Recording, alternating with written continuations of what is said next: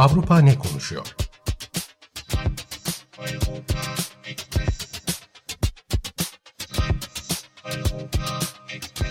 Avrupa medyasından yorumlar.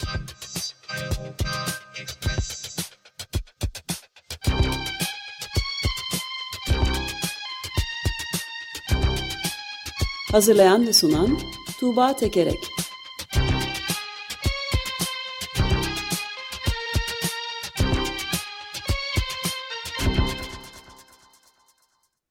Merhabalar Tuğba, günaydın. Günaydın Özdeş. Evet, bugün e, Ömer Madra yok, bu hafta yok e, bildiğin üzere. Ben tek başıma devam etmeye çalışıyorum. E, bu hafta, özür dilerim, Eurotopics'ten seçtiğin haberlerde neler var bizim için? Evet, e, bu hafta Eurotopics'ten seçtiğim haberlere en başta e, Avrupa Birliği'nin Tunus'la imzaladığı göç e, anlaşmasıyla e, başlayalım. Yani biliyorsun hep konuşuyoruz göç e, göçmenlerle e, göç meselesiyle e, kontrol altına almak e, Avrupa'nın en önemli gündem maddelerinden bir tanesi. E, geçtiğimiz ay sürpriz bir şekilde Avrupa Birliği kendi içinde göçle mücadele konusunda bir uzlaşmaya varmıştı.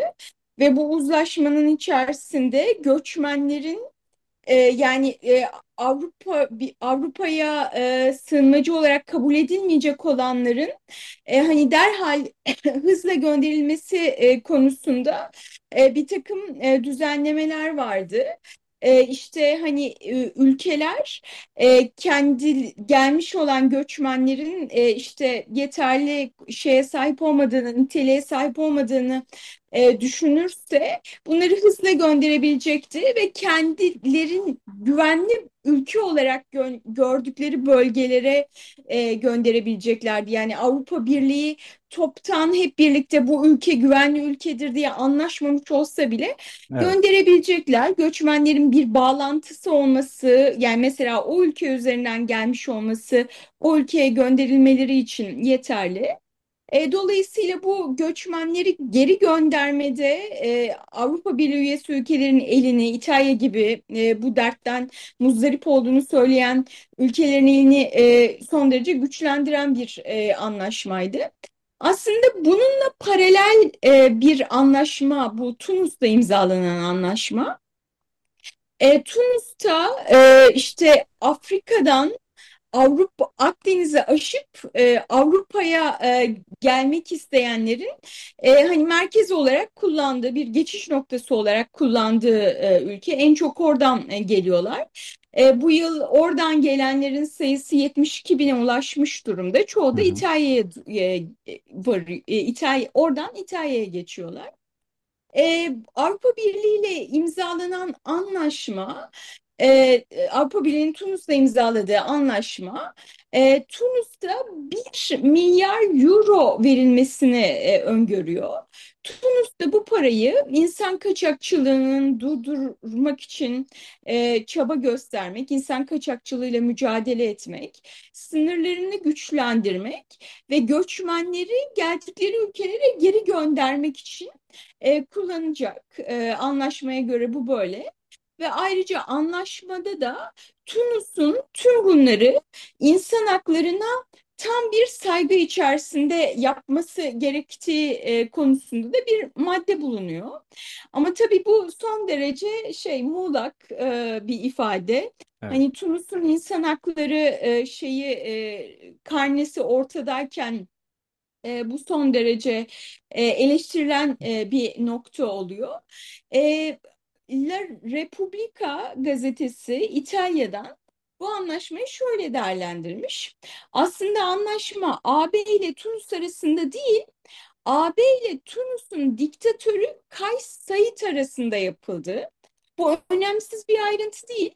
Zira diğer Tunuslular Kay, Kay, e, Said tarafından onun keyfine göre hapse atılıyor, serbest bırakılıyor ya da istediklerinde o istediğinde sürgüne gönderiliyor.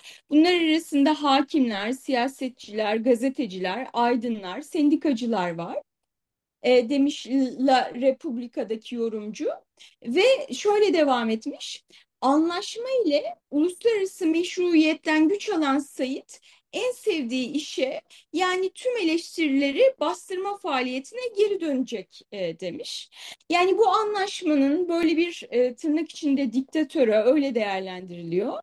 Bu, bu diktatöre hani hem para hem de uluslararası meşruiyet vereceğini ve e, işte diktatörlüğünü daha rahat şartlarda yapabileceğini e, söylüyorlar. Bu eleştirilerin bir noktası, diğer noktası da şu, Tunus'ta e, göçmenlere son derece e, en azından şey diyeyim dostane olmayan e, bir tavır var. E, geçtiğimiz aylarda örneğin siyahi göçmenlere e, saldırılar olmuş.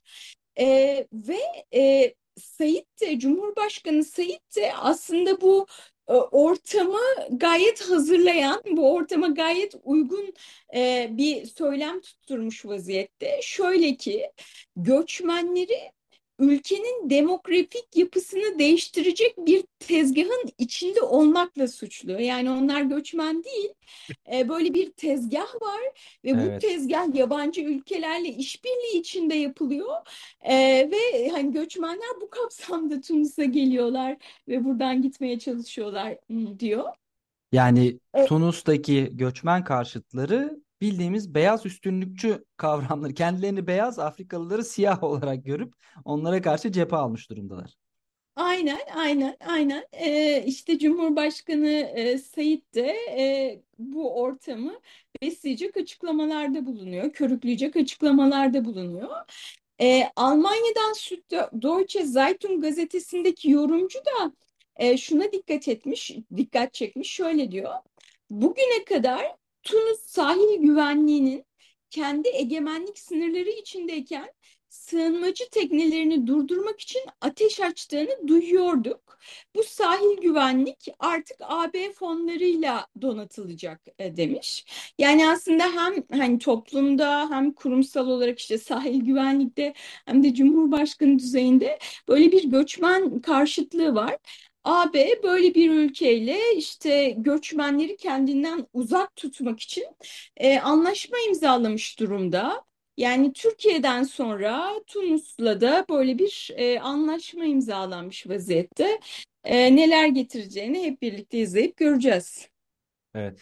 Bir de e, Türkiye ile Britanya arasında bir geri gönderme anlaşmasının e, teklif edileceği yani Britanya'nın böyle bir şey istediğine dair haberler e, vardı. Göçmenler anladığımız kadarıyla e, ciddi bir pazarlık konusu e, hükümetler arasında. Kesinlikle. E, örneğin e, şey e, bu Tunus'la anlaşma imzalanırken e, anlaşma törenine katılanlar arasında İtalya'dan Meloni vardı mesela. Hı hı. Ve Hollanda'dan da işte bu siyaseti bırakacağını açıklayan ama göçmenlere karşı pek de dostane olmayan aşırı e, sağcı, aşırı değil sağcı Mark Rutte e, vardı. Yani bunlar tabii ki e, önümüzdeki dönemde de hem seçimler yapılacak bazı ülkelerde ya da siyasetçilerin hani kendi kamuoylarına e, göçmenlerle nasıl mücadele ettiğini göstermek için e, kullandıkları aynı zamanda araçlar da oluyorlar oluyor. Yani işte bakın hani biz e, ülkeyi göçmenlerden e, şey yapmak için e, uzaklaştırmak için böyle anlaşmaları imzalıyoruz e, da diyorlar. Yani bu hem e, ülke bazında hem de Avrupa Birliği genelinde siyasetin hani çok önemli e, boyutlarından bir tanesi. Evet, e, değil. sen çok özür dilerim hemen aklıma şey geldi. İki gün önce sunma fırsatım olmuştu. Ahmet İnsel'le de biraz konuşmuştuk. Bu hani Ege'de karşılaştığımız geri itmeler vardır ya özellikle Yunan e, sahil güvenlik Türkiye'ye doğru göçmenler iter terk eder aslında sularda ya da açık denize çekmişlerdi. En son 700 kişinin e, içerisinde olduğu bir tekne e, hala cenazeler bile bulunamamış durumda. Böyle olaylar vardı. Bir benzeri Tunus'ta yaşanıldı. Tam bu Avrupa ile yapılan anlaşmanın bir gün öncesinde Libya ile Tunus arasında bir çöl bölgesinde Tunus yetkililer sınır ötesine itmişler. 80 kadar göçmeni çölün ortasında bırakmışlar. E, susuzluktan ölmek üzereyken 80 kadar göçmen siyah bu arada hepsi e, e, bu şekilde bulunmuşlardı. Evet, evet. Maalesef Avrupa Birliği'nden göçmenler konusunda böyle haberler aktarmaya devam ediyoruz.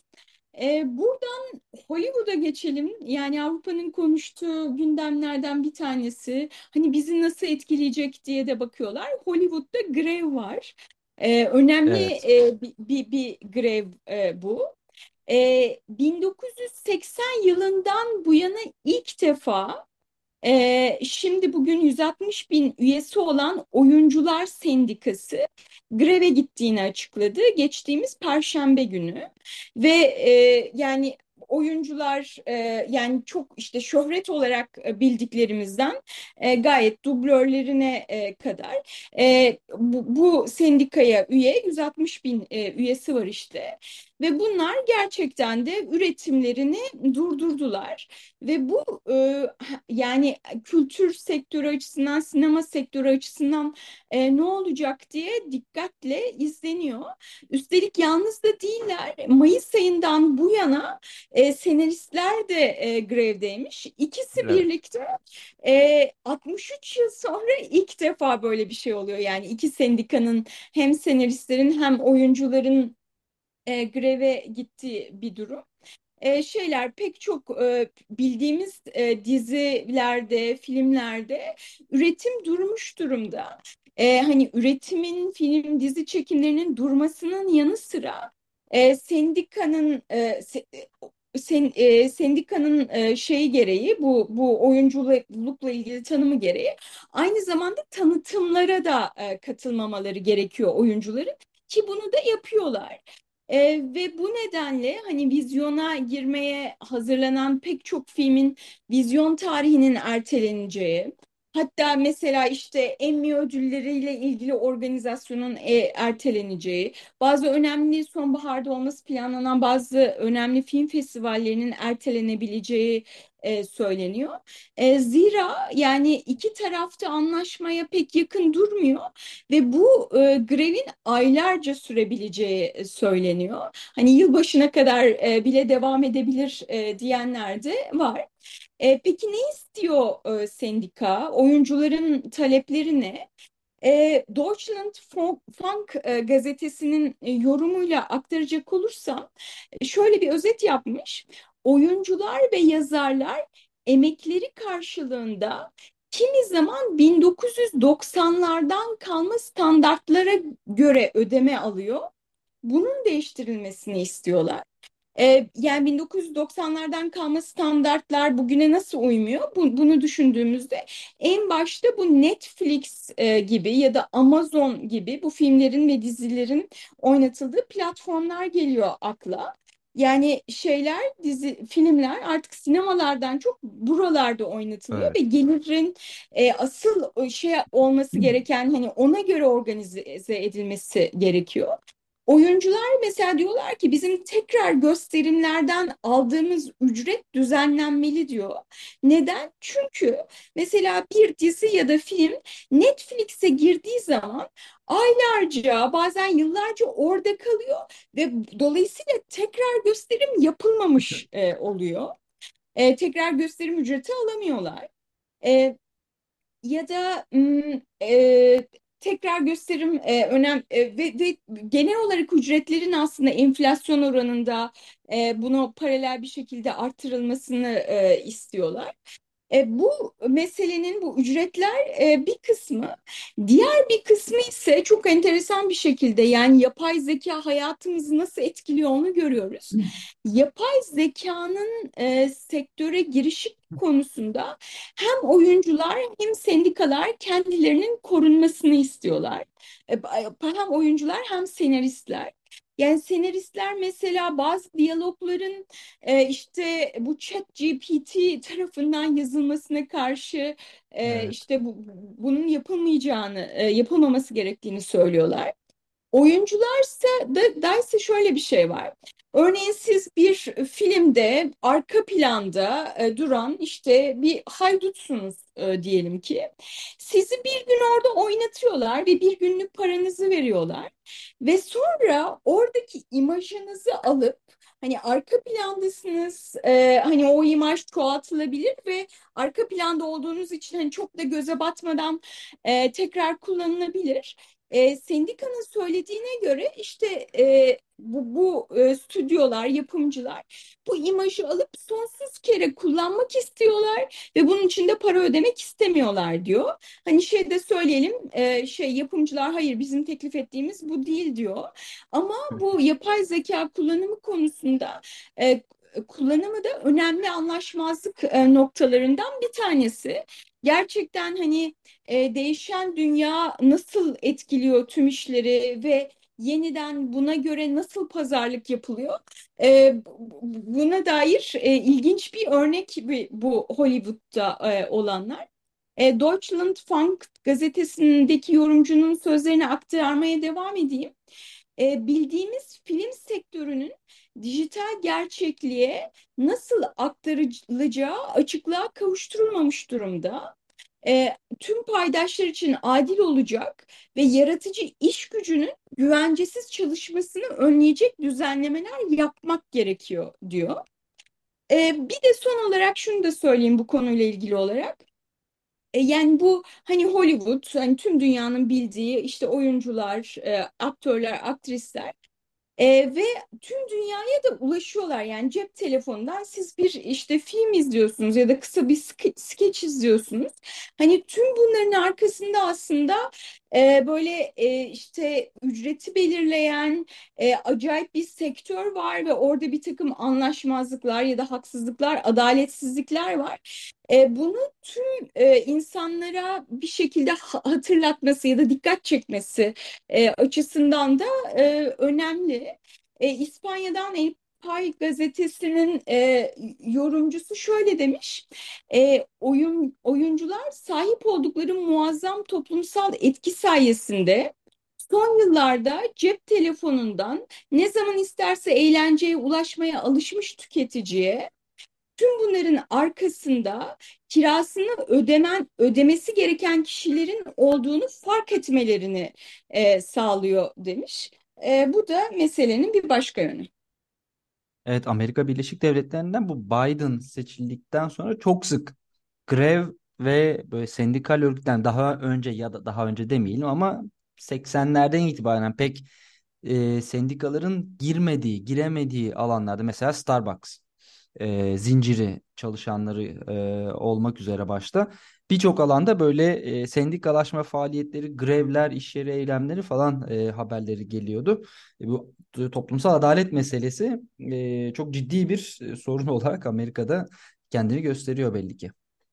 Evet ve şunu da ekleyeyim yani e, bu grevin hani bu kadar baş, başarılı olması ve hani aylarca sürebilir falan denmesinin arkasında elbette ki hani herkesin bildiği şöhretlerin işte Meryl Streep'in mesela e, ya da işte Susan Sarandon çok vardı. Evet, evet, evet. Yani çok e, ünlü isimlerin hani bu konuda gayet hani sesi duyulur bir şekilde e, taleplerini dile getirmesi geliyor. Yani çok Evet. dünyada herkes tarafından m, duyulmasını sağlıyor. Evet. Evet, e, Hollywood'dan aktaracaklarım e, bu kadar. Hı E, hı. Avrupa'ya e, dönelim. Ee, Avrupa sen, sen de geçtiğimiz günlerde e, söylüyordun e, yani belli ülkelerde sıcaklıkların ne kadar dayanılmaz olduğu, ne kadar e, işte rekor, yeni rekorlar kırdığını. E, iklim aktivistleri işte bakın diyor ki aşırı sıcak hava dalgası var ve buna karşı bir şey yapmamız e, gerek diyor.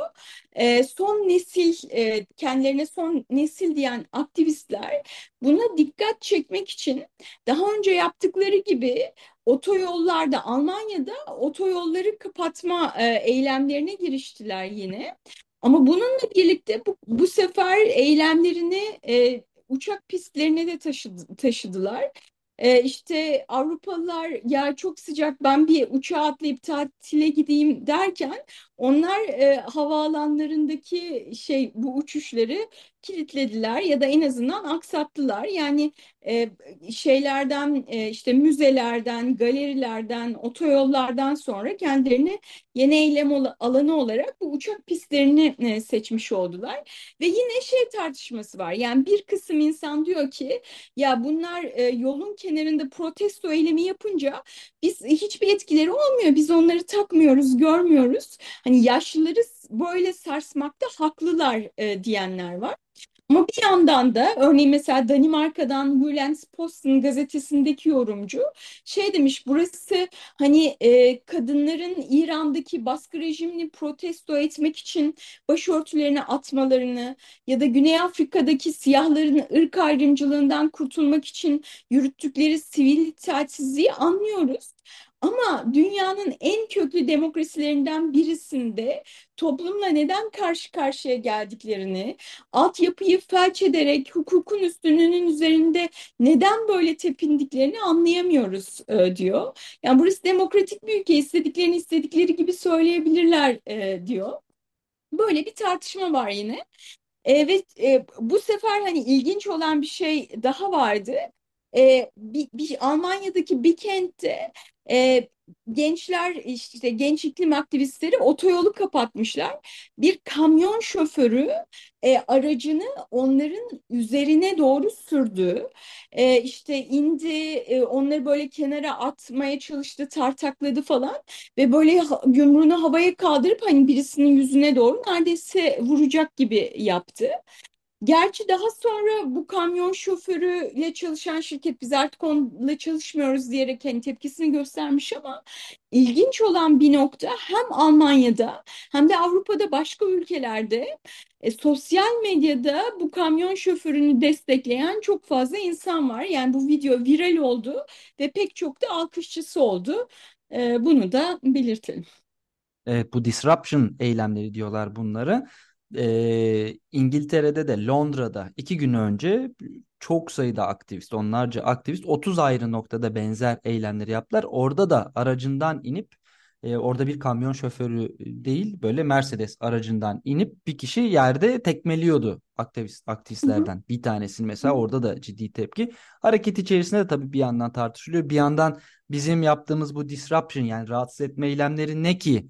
Diyorlar. Çünkü bakın sıcaklar sebebiyle sokağa çıkamıyorsunuz ya da sel olduğunda hani Londra'da bile tabii sel bu İngiltere'de bile yaşanmıştı. Almanya'da geçen yaz çok büyük bir sel felaketi yaşanmıştı. Bunlarla kıyaslandığında bizim yaptığımız bir şey değil. O sel yolu kapattığında onun bedeli daha ağır oluyor diyorlardı ama iklim hareketi içerisinde bir tartışma daha kitleselleşmeye yönelik bir tartışma e, vardı. Zaten hedef buydu aslında e, 2020'de ilan etmişlerdi. Sonra pandemi girdi biliyorsun.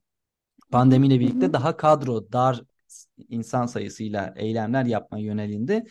E, şu anda da tekrar kolektifleştirmek gerektiği ile e, daha radikal, e, rahatsız edici eylemler yapmak gerektiğinde böyle bir grup var. E, iki ayrı yani tartışma sürüyor diyebiliriz iklim hareketinde. Bugün de İskoçya'da ben de sabah verme ihtimali şey e, haberi verebilmiştim. Ya İskoçya'da bir petrol rafinerisini işgal etti mesela iklim aktivistleri ve fosil yakıt transferini e, bir süreliğine durdurdular. Evet, ee, evet yani e, hani iklim aktivistleri ne yapsak da sesimizi duyursak ve hani sonuç alıcı şeyler yapsak diye e, gerçekten bunun yolunu bulmaya çalışıyorlar. Ben son olarak hani çok fazla vaktimiz yok. Hani birkaç cümleyle Ukrayna Rusya e, yani Ukrayna işgali, Ukrayna savaşı ile ilgili birkaç not e, aktarmak istiyorum. E, birincisi Kırım e, Köprüsü'ne Ukrayna tarafından savaşın başlamasından bu yana ikinci kez bir saldırı düzenlendi ve bu saldırıda iki sivil öldü, Rus tatilci öldü, küçük kızları da yaralandı. İşte bir sivilin öldüğü e, böyle bir saldırının saldırı e, yapılması neden yapıldı diye tartışılıyor. Hani bir yandan sivilleri hedef alacak böyle bir eylem eleştirilirken bir yandan da aslında Putin'in e, o sivilleri yani Kırım Köprüsü işte e, Kırım'ı ilhak etmiş e, ve Kırım Köprüsü'nü de işte siviller kullanıyor bir, bir şekilde ama aynı zamanda Ukrayna'daki savaşın e, ikmali için de önemli kullanılıyor. E, Putin bu sivilleri kalkan olarak kullanılıyor, asıl kullanıyor. Asıl suç Putin'in e, diyenler var. E, Kırım e, Köprüsü'ne saldırı ile ilgili böyle bir e, gündem var. Onu aktarayım. E, bir de e, Britanya'nın Savunma Bakanı Ben Wallace e, NATO zirvesinde ee, Ukrayna yine bir takım silahlar isteyince bir silah listesi e, sun, sununca e, istediği silahlara ilişkin olarak e, burası Amazon alışveriş sitesi değil e, dedi. E, Öyle mi? Bunu yani kaçırmışım. Evet evet evet evet Çok çok sertmiş yani. evet Çünkü İngiltere kesin en en fazla belki de silah satan Amerika Birleşik Devletleri'nden sonra ve en yakın e, e, duran e, ülke. silah silah sağlayan e, diyelim. Evet. Bun, evet bundan ben de tam bazen emin olamıyorum. Bi- bilmem kaç milyar dolarlık silah veriliyor. Bunlar ama karşılıksız mı her zaman veriliyor yoksa ileride bir kısmı ödenecek mi onu bilemiyorum. O yüzden satış mı da değil mi tam emin değilim ben de. Evet, evet. Ee, e, işte e, yani bu bu sözü üzerine bu, bu sözü gerçekten de tepki e, e, çekti çünkü çok sert ve çok aslında Evet. hani şey bir şekilde e, hani gündelik insanların anlayacağı bir şekilde çok çarpıcı çok çarpıcı bir şekilde ifade etmiş durumu. Burası Amazon alışveriş sitesi e, değil diyerek hani bir, bir yandan bu sözleri nedeniyle eleştiriliyor. Ukrayna hepimizin e, özgürlüğü için mücadele ediyor diyor e, bir kısım insan, bir kısım insan da bu Ukrayna'nın meselesi ve onlar da fazla abartıyor diyor. E, böyle bir e, tartışma hattı da var e, diyerek e, bugünkü Eurotopics e, bültenini kapatayım.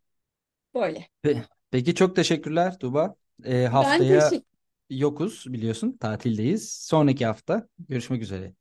Evet, e, sana ve tüm dinleyicilerimize ve kendime iyi tatiller e, diliyorum gelecek hafta İyi için. tatiller. E, sonraki hafta görüşmek üzere. Görüşürüz.